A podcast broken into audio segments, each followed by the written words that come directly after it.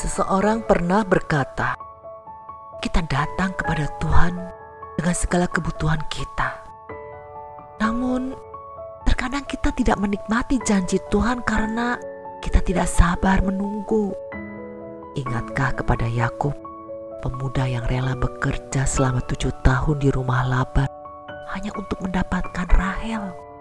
Tetapi karena Laban berbuat curang, dengan memberi Lea kepada Yakub dan bukan Rahel, maka Yakub pun harus bekerja selama tujuh tahun lagi untuk Laban. Waktu 14 tahun bukanlah waktu yang singkat. Akan tetapi karena kesabarannya, akhirnya Yakub mendapatkan apa yang ia inginkan.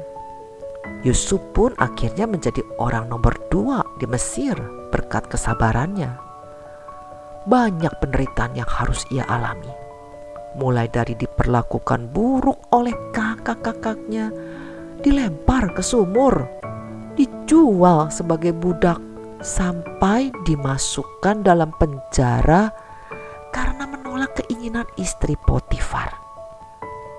Yusuf mengalami rentetan kesusahan yang begitu panjang seolah tidak akan pernah berakhir. Tetapi ketika sudah genap waktunya Tuhan, maka ia pun mengangkat Yusuf sebagai penguasa atas seluruh tanah Mesir. Sama halnya dengan Daud. Perjuangannya untuk menjadi raja Israel dipenuhi oleh rintangan yang berat. Saul selalu mengejarnya tanpa henti dan berusaha membunuhnya. Suka tidak suka, kita harus mengakui bahwa hidup merupakan periode menunggu. Seorang anak harus sabar menunggu sampai cukup umur untuk memiliki KTP. Seorang yang sedang sekolah atau kuliah harus sabar menunggu sampai ia berhasil menyelesaikan studinya dan mencapai gelar. Seorang karyawan harus sabar menunggu sampai ia dipromosikan dan mendapat kenaikan gaji. Seorang ibu harus sabar menunggu selama sembilan bulan untuk melahirkan bayinya dan sebagainya dan sebagainya.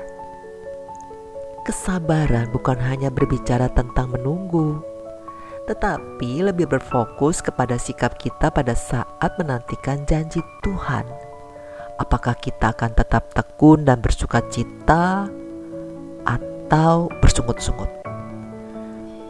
Sama seperti Allah yang panjang sabar terhadap kelalaian, kelambatan, dan kebodohan manusia seperti yang tertulis dalam Mazmur 103 ayat 8 katanya karena ia adalah Tuhan yang penyayang, pengasih, panjang sabar, dan berlimpah kasih setia. Jadi bagaimana mungkin kita tidak mau belajar bersabar? Karena salah satu dari buah roh kudus adalah kesabaran. Kesabaran adalah pohon yang pahit, tetapi akan menghasilkan buah yang manis. Satu kunci yang menjadi kegagalan kita adalah ketidaksabaran kita di dalam menunggu. Abraham disebut sebagai bapak orang beriman karena kesabarannya menunggu janji-janji Tuhan digenapi. Walaupun selama hidup Abraham belum semua janji-janji itu tergenapi. Kesabaran menunggu dapat kita gambarkan seperti sebuah perjalanan penerbangan di mana kita harus berhenti di terminal transit tertentu kita dengan sabar dan tekun duduk menunggu menantikan penerbangan berikutnya yang akan membawa kita menuju kota tujuan akhir. Jika diterapkan dalam konsep rohani, kebanyakan kita mengalami kegagalan untuk melalui proses ini. Kita panik ketika situasi yang kita hadapi tidak sesuai dengan apa yang kita harapkan. Padahal padang gurun, kekeringan, kelaparan, dan kegersangan yang kita hadapi di dalam kehidupan ini ibarat terminal transit sementara yang tidak sebanding dengan kemuliaan sebagai terminal akhir yang dijanjikan. Kita menjadi lelah dan berhenti berharap. Demikianlah kita belajar untuk percaya kepada Tuhan dan melalui terminal transit kehidupan ini dengan mata rohani tertuju pada janji Tuhan. Jangan biarkan iman kita terkecoh oleh kesusahan sementara, sehingga kita kehilangan kesabaran menunggu kemuliaan Tuhan. Akan tetapi, teruslah bergerak maju untuk melanjutkan perjalanan kita menuju tanah perjanjian Tuhan bagi kita semua dengan sabar menunggu.